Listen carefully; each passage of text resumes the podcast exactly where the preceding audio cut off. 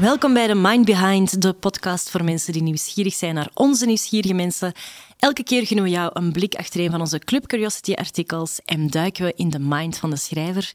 En vandaag zitten we niet met één gast, maar wel met drie gasten aan tafel. Welkom Nick, Vince en Christophe.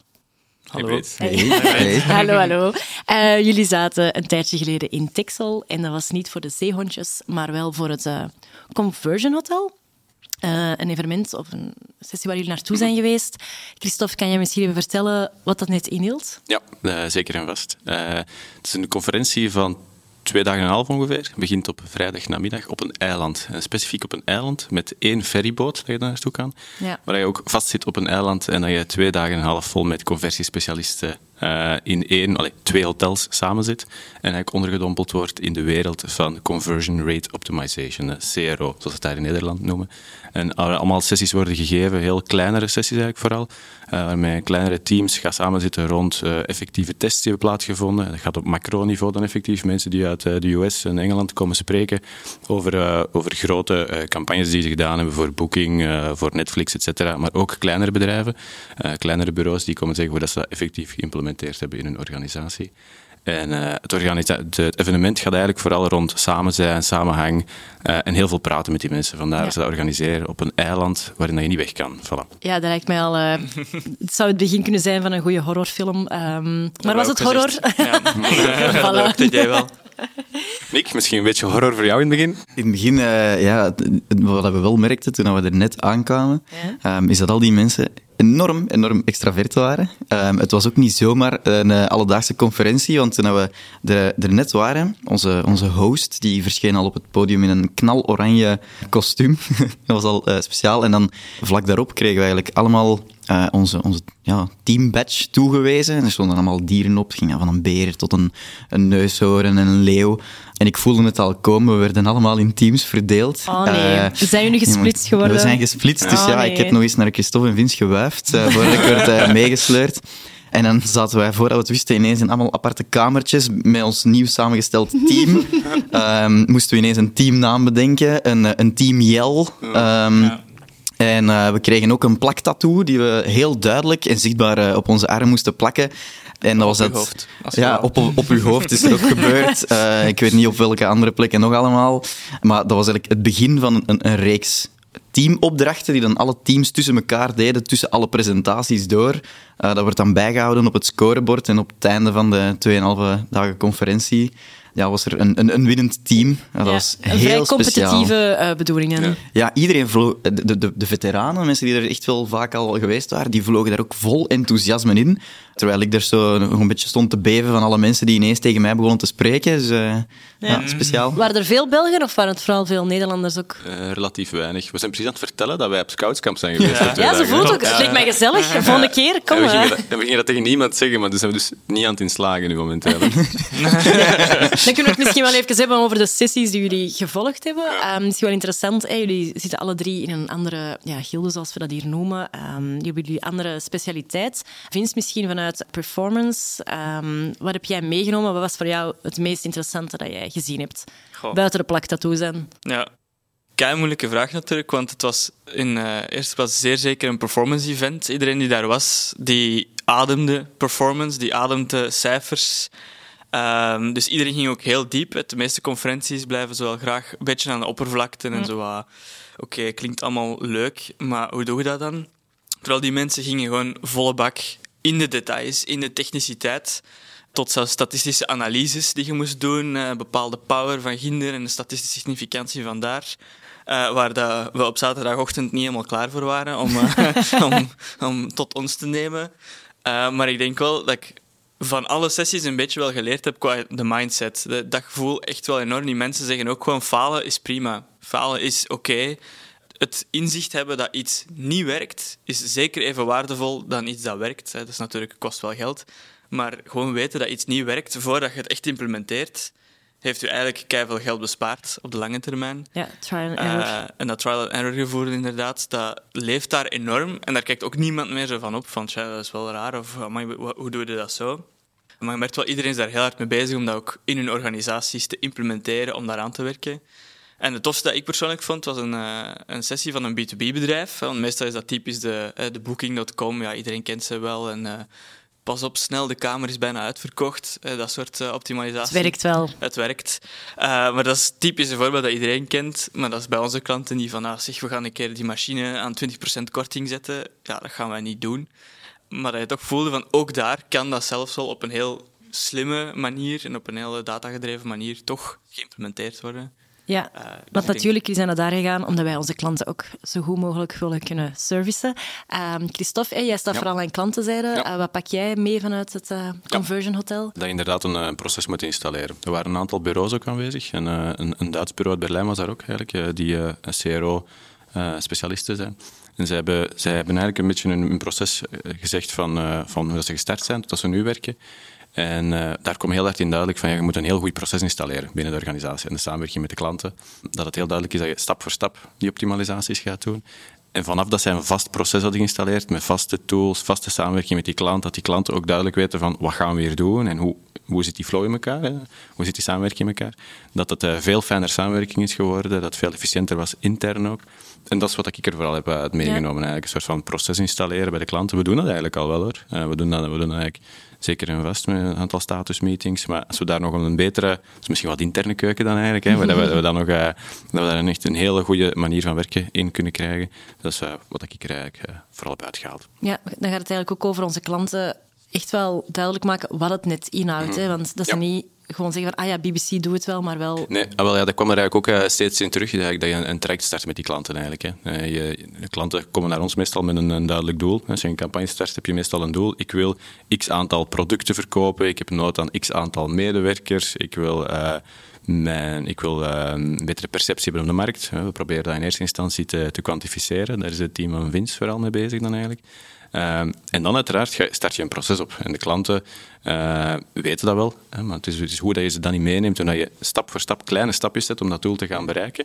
Um, dat, dat we daar uh, geleerd hebben, dat we daar uh, zien hebben dat geïnstalleerd wordt, meer en meer wordt binnen grote organisaties. Ja, top. En dan een goed proces, daar hoort ook altijd een goede strategie bij. Mhm. Nick, ik ga naadloos over naar jou. Wat heb jij meegenomen uit Conversion Hotel? Wel, um, voor mij was het wel belangrijk om een, een, soort cliché te doorbreken dat er vaak wordt gehoord, namelijk dat het creatieve stuk um, vaak vloekt met uh, het conversiestuk. Ja, we gaan enkel maar kijken naar uh, waar dat onze klanten het best op reageren, wat dat, uh, concrete cijfers opleveren. En het creatieve stuk lijkt daar dan op dat moment ondergeschikt aan. Terwijl heel veel van de presentaties net hebben bewezen dat dat helemaal niet het geval is. Zijn, er waren ook een paar ja, conversie copywriters bijvoorbeeld de revue gepasseerd daar. Zij hebben ook echt aangetoond van, kijk, het, het start wel allemaal vanuit een bepaalde strategie, of dat dan nu vanuit uw merkstrategie of vanuit een campagne begint. Um, dat is wel de basis voor het verdere verhaal. En in dat verhaal kan je zo creatief gaan als dat je wilt. Dan is het een kwestie van te gaan kijken, oké, welk idee werkt nu het beste of resoneert het meeste uh, met ons doelpubliek? En daarin komt conversie dan weer uh, aan te pas. Ja. Dat is eigenlijk uh, de combo die daar eh, voor ons te zeggen tussen mij en mhm. Vince gebeurt, om te zien van ja, oké, we hebben misschien allemaal ideeën, uh, maar wat landt nu het beste? dus eigenlijk ben je niet ideeën aan het, aan het afknallen, je bent ideeën aan het valideren. En dat is toch wel een van de belangrijkste lessen om die creativiteit en conversietechnieken te laten rijmen. Een van de belangrijkste lessen dat ik uit de conversie heb gehaald. Ja, voel je dat ook zo aan, Vince? Ja, absoluut. ik denk, ehm, ze hebben altijd een beetje wel dat, dat imago gehad. Zo van, uh, ja, als de knop in het paars beter werkt dan in het blauw, wat dat de brandkleur is, ja, dan zetten we hem in het paars. Hè, dat is uh, logisch. Uh, wat dat ook een beetje zo wat die, die type marketing eigenlijk zo een slechte naam heeft gegeven eigenlijk. Een beetje zo wat, pff, we gaan hier maar wat dingen doen en als het beter werkt, ja, de mm boom in met uw, uw brand, om het zo even te zeggen. Uh, en dan zie je wel weer verder, terwijl dat we Juist wel, en ik denk ook wel waar dat wij goed in zijn, of waar wij heel goed nog verder in kunnen groeien, is die combinatie tussen strategie en performance van oké, duidelijke strategische lijn, wat zijn de, de punten waar we moeten op gaan inzetten, waar is ons doelpubliek mee bezig, en dan eigenlijk gewoon een beetje kijken van hoe kunnen we dat op een zinnige manier uitwerken die eigenlijk mhm. het meeste resultaat voor een klant genereert. Ja, en die ook nog leuk is. En die ook nog plezant is. er ook bij. Ja. dat, dat het inderdaad ook nog plezant blijft natuurlijk. Hè. Dat we niet uh, alleen zo ook maar wat achter de conversiecijfers mm. aanhollen uh, en dan alles daarin teken van dat het ook wel nog een, een goede campagne is die het merk tegelijkertijd mm. ook nog een beetje versterkt. Mm uh, dat voel je daar ook wel heel erg, vind ik, dat, dat, dat zij er ook wel allemaal zo naar kijken. Je had er al natuurlijk een paar hier en daar nog die is wel een beetje iets meer iets waar van ja, als het zo beter werkt, dan doen we het zo. En ja. Uh, de rest uh, is Het is wel afwegen dan. Het is een beetje afwegen, maar ik denk wel dat we, dat, dat zeker wel de juiste manier is om, om data-gedreven marketing, ze noemen het dan vaak conversion rate optimization, was eigenlijk maar een klein stukje van de hele data-gedreven marketing. Mm Het gaat veel breder dan alleen kijken van hoeveel acties doet iemand ergens, of hoeveel forms, of hoeveel weet ik van wat. Het gaat ook over van welke campagnes doen het goed, welke assets doen het goed, wat voor beelden slaan aan bij onze doelgroep.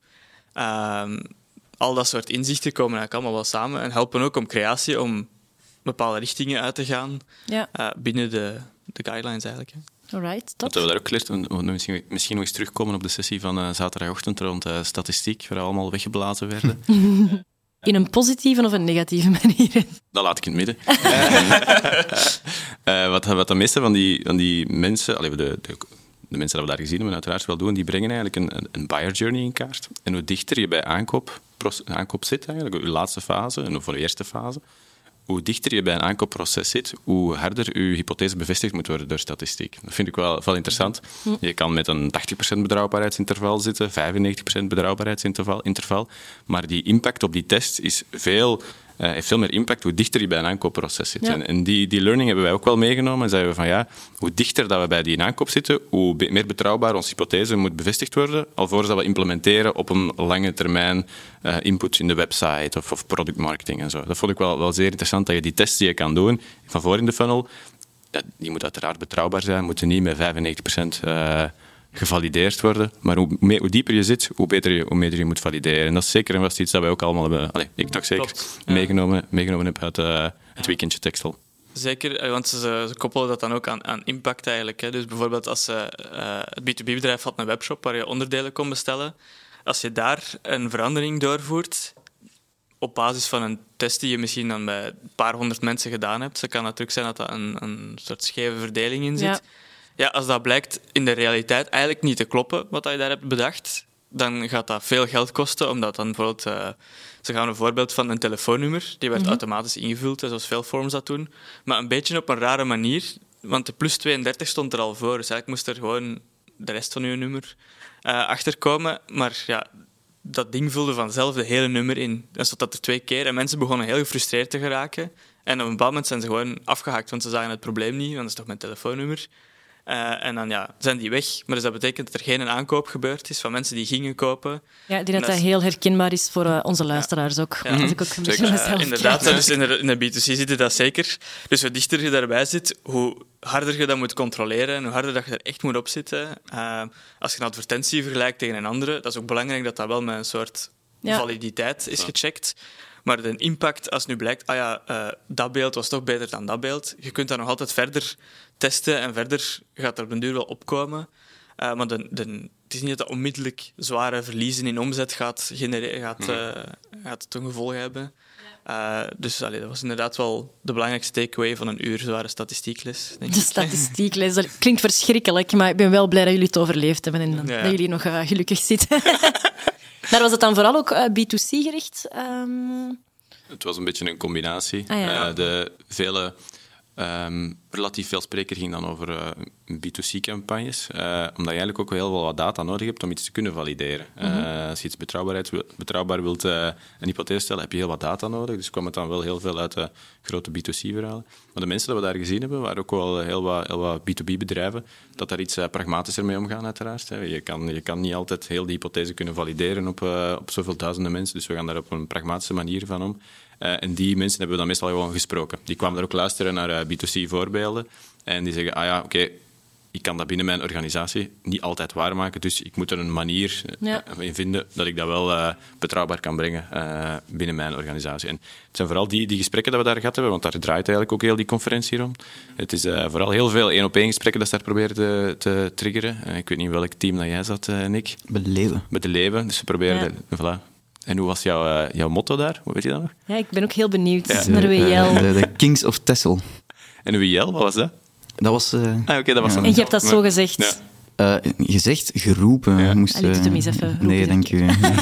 We proberen dus veel die groepen samen te brengen, ja. de, de, leeuwen, om dan eens interactie te hebben met die mensen. En daar leren... Allee, daar ja, het was echt een netwerkevent waar je ook vooral de kans krijgt om elkaar te leren kennen. En, um, zeg, Conversion Hotel Part 2, of uh, volgend jaar, zijn jullie daarbij? Dat van mij afhangt wel. Ja, ik ook. Absoluut. Ja, ik denk dat we zelfs misschien met nog wat meer zouden kunnen gaan. Want allee, nu dat we weten hoe ver het kan gaan, dat er wel nog misschien een aantal extra mensen zijn van andere gildes en rollen die er wel baat bij zouden hebben, die dat heel interessant zouden vinden om ook daar eigenlijk die inzichten te hebben en om met die mensen te kunnen praten.